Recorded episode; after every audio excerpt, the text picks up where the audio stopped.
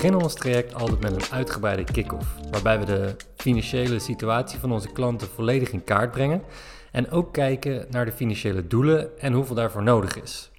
En één onderwerp wat vrijwel elke keer terugkomt is de hypotheek op de woning. En of het wel of niet slim is om die af te lossen.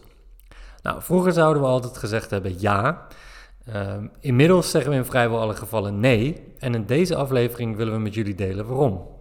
Ja, vroeger was het inderdaad een ja. En waren we zelf ook echt, nou ja, bijna wel volledig gefocust op het aflossen van de hypotheek. Dat was wel een van onze grootste financiële doelen. Ja, dat, dat was uh, een soort van ideaalbeeld waar we naar uh, toe streefden om dat zo snel mogelijk afgelost te hebben. Ja. ja, en ik denk de hoofdreden was dat het huis nogal onder water stond. En uh, dat we zoiets hadden van ja, als we iets anders gaan kopen, dan willen we niet nog met een grote schuld zitten. Dus dan gaan we maar alvast wat aflossen, zodat we dat dan tot een minimum beperken. Ja, dus om een beetje context te geven. Ik heb dat, uh, dat is het eerste appartement wat ik kocht en dat was in uh, 2009.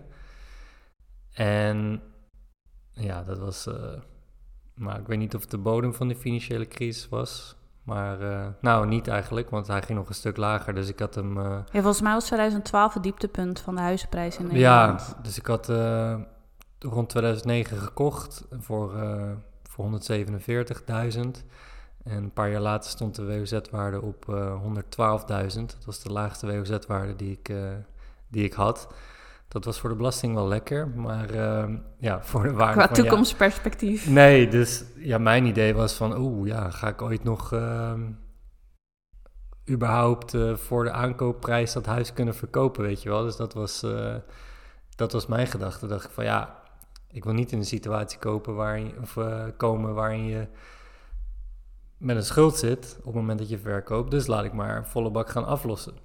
Ja, ja, en dat was één kant van het verhaal. En de andere kant van het verhaal was dat we ook zoiets hadden van... oké, misschien gaan we het huis niet verkopen, maar gaan we het verhuren. En ja, dan wil je er zoveel mogelijk passief inkomen uithalen. En we dachten, op het moment dat het huis dan afgelost is... of in ieder geval er een kleinere hypotheek staat... dan halen we er, of dan houden we er per maand natuurlijk meer aan over. Ja. En dan verdien je dus eigenlijk meer passief inkomen. Ja, en de rente was ook nog een fors. Ja, dat is waar. 5,85 procent... Uh rente. Ja, dus dat zijn in die zin ook wel flinke maandlasten die je dan hebt. En als je dat kan reduceren door, uh, door te gaan aflossen, dan, uh, ja, dan zet het best wel zoden aan de dijk. Um, maar wat ik zeg, ja, het was gewoon een soort van ideaalbeeld van uh, zo snel mogelijk die, die hypotheek naar beneden krijgen ook. Gecombineerd met de situatie die, die we hadden. Ja, ja, dat was het ook een beetje, want wij waren dus al snel in onze relatie bezig met financiële vrijheid. En dan gingen we er ook veel boeken over lezen en alles. En dan las je ook vaak dingen als, nou, hypotheek, hypotheekvrij worden. Dat is echt een van de idealen. En daarmee, ja, dan kan je zo je lasten verminderen, dat je ook minder inkomsten nodig hebt. Dan kan je al heel snel financieel vrij zijn eigenlijk. En dat was iets waarvan wij toen dachten... Dit moeten we doen. Ja, dan gaan we dit maar doen. Ja. En nu, het, het, was ook niet dat we alleen maar daarop gefocust waren, want daarnaast waren we ook wel aan het beleggen. Dus het is niet zo dat we echt alleen maar dachten van nee. uh, maar één weg naar die financiële vrijheid. Maar we waren er wel, het was, het was wel een van onze grootste doelen dus. En achteraf zouden we dat wel heel anders aanpakken. Ja, nou kijk, het, het was inderdaad een gecombineerde aanpak. Dus uh, inderdaad een stuk beleggen en voor het maximale wat we extra af mochten lossen, ja. dat deden we elk jaar en al het overige, dat, uh, dat gingen we beleggen. Dus het, we werkten inderdaad wel aan twee kanten, maar dat is natuurlijk een bepaalde stroming van, ja, of het fire denken is, traditionele fire denken van, ja, die schulden zo uh, laag mogelijk krijgen, laag mogelijk je kosten houden. zo laag Ja. mogelijk en dan kan je met een uh, ja, relatief laag inkomen ben je financieel vrij. Maar ja, dat, dat, dat is natuurlijk waar we later achter zijn gekomen. Um, dat het gewoon niet, in veel gevallen niet de beste aanpak is. Nee, die traditionele FIRE aanpak van, ehm, van, van een focus daarop. Van echt het verminderen van. Terwijl Nee. je beter kan kijken naar, oké, het verhogen van de inkomsten en meer rendement halen op, op beleggingen. ja. En dat is ook een van de redenen, want ik zei net dus van inmiddels zouden we dat heel anders doen. En daar hadden we eigenlijk drie hoofdredenen voor. En één daarvan is inderdaad veel meer kijken naar de inkomstenkant in plaats van het kosten, kostenplaatje. En ehm, ja, simpel gezegd is het gewoon zo dat beleggen veel meer oplevert dan dat geld in je huis stoppen.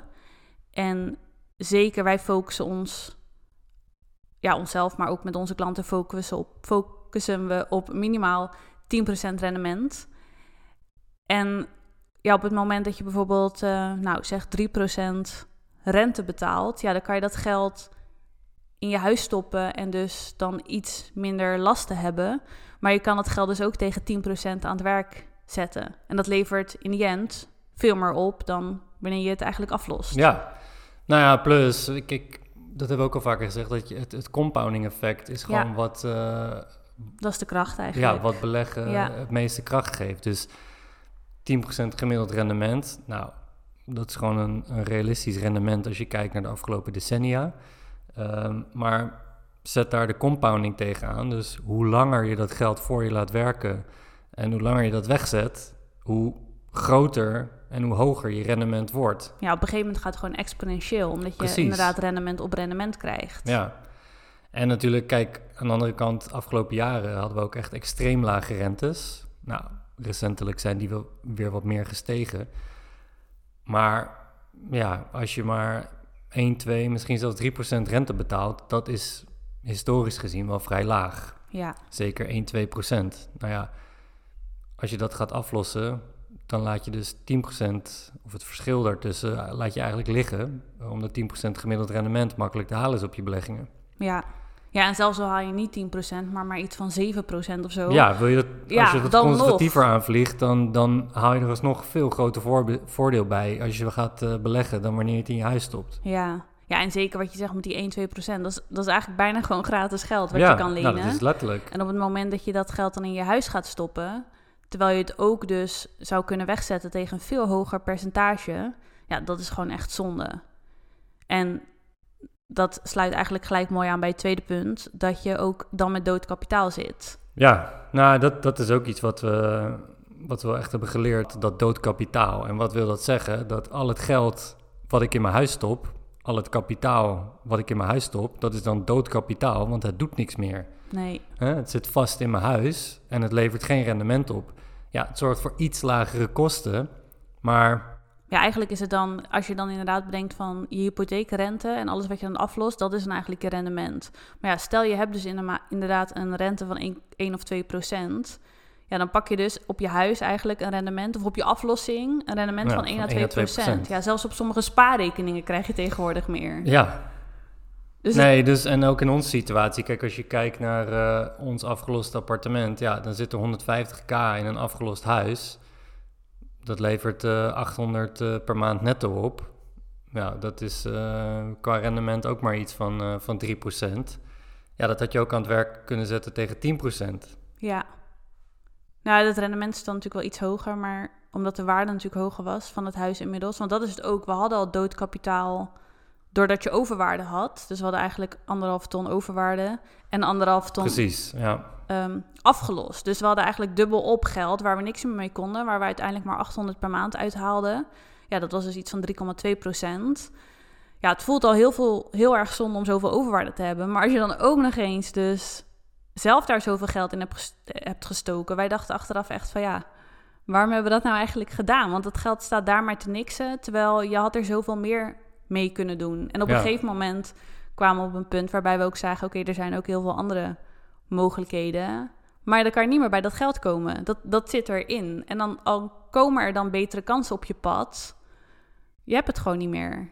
En dat ehm, ja, was voor ons ook wel zo'n eye-opener van... ja, aflossen zorgt er gewoon echt voor dat je je geld vastzet... en dat het dus eigenlijk echt dood kapitaal wordt... waar je gewoon niet meer makkelijk bij kan. Nee. Je kan weer overwaarde gaan opnemen, maar daar betaal je dan weer extra voor. Dus dan ja, dan dat is een, haalt een beetje het effect ervan af van dat je hebt afgelost. Dus dat doe je ook niet zo snel. Dus dat ehm, ja, was voor ons eigenlijk een tweede reden dat we dachten van uh, in de toekomst gaan we dat toch anders doen. En een derde reden was dat, ja, dat vond ik eigenlijk een heel mooi inzicht ook, dat we hebben al vaker in de podcast gezegd dat inflatie ervoor zorgt dat je spaargeld steeds minder waard wordt. Dus dat je koopkracht afneemt. Dus 100.000 euro nu is over een paar decennia niet meer 100.000 euro qua wat je ermee kan. Maar dat geldt ook voor schulden. Ja, ik bedoel, uh, kijk, als 100k, uh, 100.000 euro nu op je spaarrekening over 30 jaar uh, met een inflatie van 3% bijna de helft waard is, dan geldt het in koopkrachttermen ook voor je schulden. Ja. Dus als je nu 100k aan schulden hebt, is dat een andere 100k over 30 jaar. Ik bedoel, het bedrag kan hetzelfde zijn, maar in koopkracht is dat een stuk minder. Dus het werkt natuurlijk twee kanten op. Ja, ja dat is grappig, want dat, daar sta je eigenlijk nooit echt bij stil. Maar je schulden worden over de jaren heen inderdaad ook gewoon... Ja, het wordt niet minder waard qua bedrag, maar gevoelsmatig wordt het wel ja. minder waard. Nou, het, het, het, het, werkelijke effect van dat geld uh, wordt, wordt gewoon minder. Dus net zoals dat gewoon qua koopkracht minder wordt, wordt, wordt dat ook minder. Ja. ja, en dat was voor ons ook weer zo'n eye-opener dat we dachten, ja, ook dat is weer een extra reden om eigenlijk je huis niet af te lossen. Want dan ga je nu geld met de waarde van nu eigenlijk in iets steken, wat eigenlijk in waarde soort van afneemt qua schuld. Ja.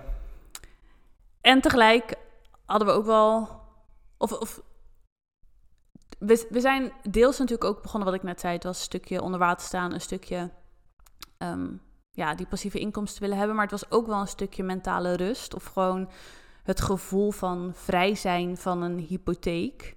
Dus ik snap wel heel goed de vragen die we altijd krijgen van onze klanten. En ook wat we om ons heen horen. Dat heel veel mensen toch wel gefocust zijn dus op zo snel mogelijk die hypotheek aflossen en daarvan af willen zijn. Maar ja, eigenlijk eh, maak je dan keuzes op basis van emotie en niet zozeer door te kijken naar wat het slimste is. Nee, nou, ik denk dat, kijk, mentale rust is, uh, is wel gewoon een goed argument. Ik bedoel, als jij, als jij beter slaapt met het idee dat, dat je hele lage lasten hebt, dan is dat, kan dat een goede reden zijn. Maar het is meer van, wat is, wat is het alternatief? En dan denk je meer in, in de zin van opportunity cost. Ja. Dus de opportunity cost van uh, 10k uh, per jaar extra aflossen op je hypotheek, ja, dat heeft een kleine impact op je lasten. Uh, de opportunity cost is dat 10k wegzetten door te gaan beleggen, is 10% gemiddeld jaarrendement mislopen. Ja. En als je daarover nadenkt, dan geeft het mij meer mentale rust door te weten dat mijn geld uh, harder voor me werkt dan het rentepercentage wat ik betaal op mijn hypotheek. Ja. Maar het is even een ander perspectief of een ja, het is een ander focus. perspectief. Plus, ja. ja. je moet, dus je moet het weten. Ja, dat, dat ook is dat. ook een ding. En, Ja. en dat is ook waarom wij begonnen. Ik bedoel, we zeiden wel een gecombineerde aanpak, aflossen en beleggen. Ehm, maar ja, dat had je meer opgeleverd op het moment dat je alles was gaan beleggen. Ja. Ja, want in die zin, inderdaad, anderhalve ton wat wij dan in het huis staken, waar je dan nou ja, 800 per maand mee verdiende. Ja, had je die anderhalve ton aan het werk gezet tegen 10% en jaar op jaar daar rente op gekregen. Ja, dat tien jaar lang gedaan. rendement, ja, dan hadden we even een stuk meer geld gehad dan, dan hoe we het nu hadden gedaan. En dan had je ook, kijk, op een gegeven moment, dan zou je met zo'n bedrag ben je best wel snel, zit je rond een miljoen aan vermogen wat je kan opbouwen. Ja, zet dat om in een belegging wat je 5% aan, aan dividend of passief inkomen kan opleveren. En je haalt er 50k per jaar uit. Ja, dan Ja. zit je op meer dan 5000 euro per maand. Wat je aan inkomsten zou kunnen hebben in plaats van die 800, doordat we het nu hadden afgelost. Dat is meer mentale rust. Dat geeft meer mentale rust. Ja, inderdaad. Maar dat is het inderdaad. Mensen, ja, mensen kennen het niet. En het is ook, ja, wat wij dus in het begin ook heel erg voelden. Van, er ligt ook gewoon heel erg een focus op dat aflossen een soort van het ideaalscenario is. Ja, Want dat is financieel gezien het slimste wat je voor je toekomst kan doen. En dat, ja, dat is ook moeilijk als, als dat dan de conditionering is, om daar natuurlijk op een andere manier naar te kijken. En dat heeft voor ons dus ook gewoon eventjes gekost. ja maar ik denk het belangrijkste is gewoon dat je inzichtelijk maakt voor jezelf, denk ik, wat, wat het nou echt het effect is. Ja, Dus als je, als je bijvoorbeeld eh 200.000 euro hypotheek hebt tegen 3% rente, nou, dat is dan 500 euro per maand. Stel dat je ervoor kiest om eh 10.000 euro af te gaan lossen, dan heb je na een jaar geen hypotheek van 2 ton, maar 190.000. Maar wat dat in maandelijkse lasten scheelt, is maar 25 euro. Ja, niks dus eigenlijk. Ja, nee, dat is niks. Dus, Nee. dus 10.000 euro aflossen op je hypotheek met een rente van, eh van, 3K, of, eh, van eh, 3%. Levert 25 euro aan maandlasten op. Nou, dat geeft mij geen extra mentale rust. Nee, Eh, maar die 10k had je dus ook tegen gemiddeld 10% weg kunnen zetten. Is 1000 euro per jaar, als je dat voor de lange termijn doet. ja. En ja, dan dat zet wel zoden aan de dijk. Precies. En dan je compounding, Ja, ehm, wat, wat een soort van multiplier is op, eh, op wat je aan het investeren bent. En nogmaals, eh, pak dan geen 10% als je dat te veel vindt. Plak er 7% op. En je hebt alsnog eh, een, een veel groter voordeel dan wanneer je gaat aflossen. ja. ja, eigenlijk is het ook gewoon zo dat zolang de hypotheekrentes onder de gemiddelde beleggingsrendementen liggen, dan Dan doe je er beter aan om het aan het werk te gaan zetten. Ja. En ik merk ook nu, want wij zijn dus op zoek naar een huis in Spanje. En hier moet je. Je, kan maximaal een hypotheek van 70% krijgen. Dus dat betekent dat je 30% eigen geld moet inleggen.